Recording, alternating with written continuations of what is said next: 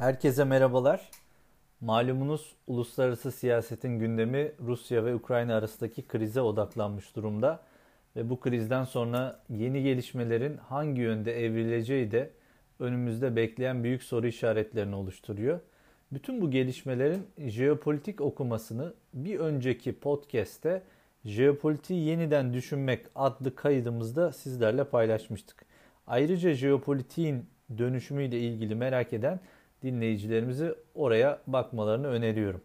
Burada bu jeopolitik yeniden düşünme üzerinden Karadeniz'e odaklanacağız ve Karadeniz'deki yeni siyasi dengenin yönünün nasıl şekilleneceğini bu podcastlerde sizlerle paylaşacağım. Malumunuz olduğu üzere Rusya Ukrayna'nın NATO üyelik süreci gündeme geldiğinden sonra bunun ulusal güvenliğine tehdit oluşturduğunu ve sınırları etrafında bir NATO üyesi ülkenin bulunmasının Rusya'nın varoluşsal bir mücadelesi haline geldiğini iddia etti. Ve bunun üzerine de birliklerini Donbask bölgesi ve çevresinde konuşlandırarak böyle bir durumun gerçekleşmesi halinde Ukrayna'ya müdahalede bulunacağını tüm dünyaya ilan etti. Yaklaşık bir hafta 10 gündür Amerika ve Rusya arasında müzakereler devam ederken henüz bir sonuca ulaşılmış değil. Ve bunun için hem diplomasi aktif olarak kullanılıyor hem de askeri birlikler sahadaki varlıklarını sürdürüyor. Bu temel problem alanı üzerinden Rusya'nın nasıl konumlanacağı ve bunun karşılık Amerika'nın bu açıklamalarla beraber hem diplomasiyi hem de güvenlik meselelerini nasıl çözeceği henüz netleşmiş değil. Ve buradan oluşan yeni siyasi dengenin Karadeniz'de ne şekilde oluşacağını bugün sizlerle tartışacağız. Öncelikli olarak şöyle tarafların argümanlarına bir bakalım. Neden bu sorun dünyanın gündemine geliyor? Ve bundan bir süreci nasıl öngörebiliriz? Buradan oluşacak sonuçları nasıl takip etmemiz gerekir? Ukrayna açıkça toprak bütünlüğünü ve egemenlik haklarını savunuyor ve burada oluşacak bir tehdidin bir vatan savunması mahiyetinde oluşacağını ve buna karşı koyacağını ileri sürüyor.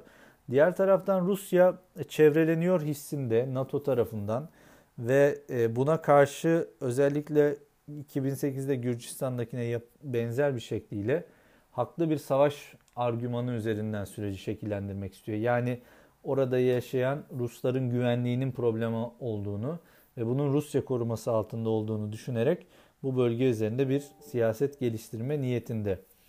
Diğer taraftan Amerika Birleşik Devletleri'nin bu soruna yaklaşımında ise açıklama ve eylemlerde tutarsızlık ön plana çıkıyor. Yani ha bugün ha yarın bu müdahale gerçekleşecek çerçevesinde bir açıklamadan öte bunun nasıl engelleneceği veya NATO'nun buradaki pozisyonunun ne olacağı daha çok uluslararası kamuoyunu ilgilendiriyor. Dolayısıyla Amerika'dan henüz bu Karadeniz jeopolitiğindeki yeni dengeyle ilgili uluslararası toplumun içini rahatlatacak, buradaki sorunları çözecek doğrudan bir karar ortaya çıkmış değil. Bu kafa karışıkları aslında Karadeniz'deki yeni siyasi dengenin tansiyonunu arttırıyor ve aslında ortaya çıkacak bu tansiyon dünya güvenliğini de çok ciddi manada etkileyecek boyutlarda. Onun için bu sadece Rusya, Ukrayna ve Amerika Birleşik Devletleri ve dolayısıyla NATO ile ilişkili bir mesele olmaktan çıkıyor. Karadeniz'e kıyısı olan bütün ülkeleri de ister istemez doğrudan ve dolaylı olarak etkileyecek bir sorun haline geliyor. Burada Karadeniz jeopolitiği üzerinde konuştuğumuz zaman da bunun önemli bir kısmının Avrupa, Avrupa Birliği ve Karadeniz'e kıyısı olan NATO üyesi ve Avrupa Birliği ülkeler üzerinden şekillendiğini görüyoruz. Diğer tarafta da Karadeniz'in diğer kıyısındaki Türkiye'nin burada önemli bir aktör olarak hem Ukrayna hem Rusya ile ikili ilişkiler bağlamında önemli bir süreç yürüttüğünü de biliyoruz. Dolayısıyla e, bu süreçten direkt ve endirekt etkilenecek aktörler bu Karadeniz'e kıyısı olan ülkeler haline geliyor. Ama e, aslında Ukrayna ve Rusya'nın zaman zaman ortak noktada birleştiği husus üçlü temas grubu ve Minsk anlaşmaları üzerine odaklanıyor. Aslında Minsk anlaşmaları dediğimiz yapı Helsinki nihai senedi sonrası yani Avrupa'nın güvenliğini Soğuk Savaş döneminde Avrupa üzerinde sağlayacak ve Sovyetler Birliği ile göreli bir uzlaşı mekanizmasının çıktığı bir altyapı söz konusuydu. Bu 90'lı yıllardan itibaren Avrupa Güvenlik ve İşbirliği Teşkilatı ve daha sonra Minsk grubu adında özel bir çalışma grubu haline de getirildi. Yani buradaki sorunların çözümü noktasında inisiyatif alacak aktörleri öne çıkartıyor. Ve bu mekanizmanın aslında Rusya-Ukrayna sorununda çok ciddi anlamda bir rol üstlenemediğini görüyoruz. Yani büyük güçler rekabetine sahne olan bir kriz, bölgesel aktörler arasında uzlaşı ve işbirliği mekanizmasının etkin olarak çalıştırılamaması kaynaklı ayrı bir tehditle de karşı karşıya. Burada Minsk grubunun ötesinde özellikle geçen hafta e, İngiltere'den, Hollanda'dan gelen açıklamalar e, Rusya'nın her an bu saldırıyı gerçekleştirebileceği üzerine odaklanınca ister istemez buradaki güvenlik kaygıları yükseliyor. Amerika'dan da bu açıklamalar peş peşe geldi. Peki Rusya nedir? Rusya savaşı en son konuşacak ülke olarak buraya bir geri bildirimde bulundu. Ve aslında savaş istemiyoruz. İsteğimiz buradaki sürecin NATO üyelik sürecinin ortadan kalkması ve e, sürecin normalleşmesi. Diğer taraftan Avrupa Birliği'nden bir açıklama geldi. E, sonsuza kadar zeytin dalı uzatamayız. Yani Rusya ile bir noktada karşı karşıya gelinecek. Ancak Avrupa Birliği'nin kendi kurumsal yapısında bir askeri birlik anlamında bunu doğrudan karşılık verebileceğini çok öngörmek mümkün değil. Çünkü böyle bir işbirliği mekanizmasının bırakın e, Rusya meselesinde Avrupa'nın kendi içindeki güvenlik sorunlarında bile 90'lı yıllarda çalıştırılamadığını gördük. E bu da şunu gösteriyor. Aslında Rusya Federasyonu batıdaki zayıflayan ittifakların, işbirliklerinin oluşturduğu boşlukta Karadeniz jeopolitiğinde adım adım ilerledi ve daha önce Soğuk Savaş'ın son döneminde ve 90'lı yıllarda kaybettiği inisiyatifi geriye doğru kazanma çabası içerisinde. E bunun e, iki boyutu var. Birincisi bu NATO genişlemesinin durdurulması.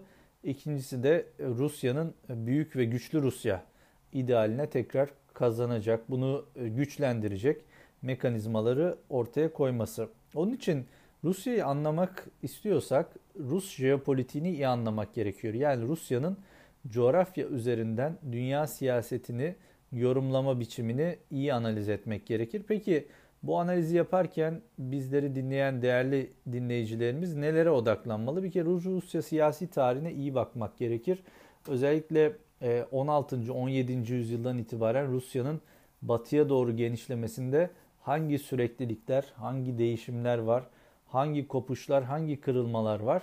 Bunlar üzerinden Rusya nasıl refleksler vermiş?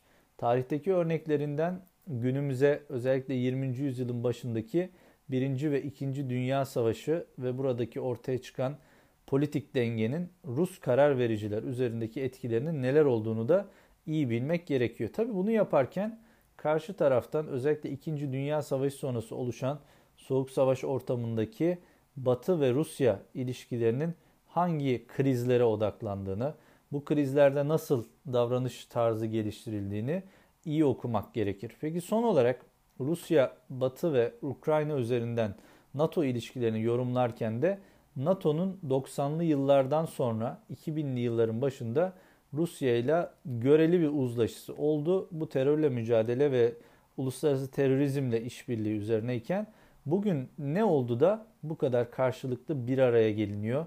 ve bunun karşısında çatışma riski yükseliyor. Buna da odaklanmak gerekir. Dolayısıyla sadece Rusya'yı değil, NATO'yu, AB'yi ve ABD'nin Rusya karşısındaki yani Federasyon Rusyası karşısındaki politik karşılaştırmasında iyi yapmak gerekir. Bütün bunlardan sonucu ortaya çıkarttıktan sonra analitik bir tutumla yani buradaki veriler, tarihteki bulgular öngörü olarak bize neleri ortaya çıkartıyor? Bunları akılcı ve uzun vadeli yapabilmek için bilim bize hangi yönü gösteriyor? Bunlara odaklanarak bu ve benzeri krizlerde devletlerin yaklaşım tarzlarına rasyonel sonuçlar üretmek mümkün. Dolayısıyla benim bu podcast'te de önerim e, bunları bu mekanizmalardan ifade edecek, bu okumalar üzerinden analiz edebilecek yöntemleri geliştirebilmeniz. Hepinize teşekkür ediyorum. Sağlıklı, mutlu günler diliyorum.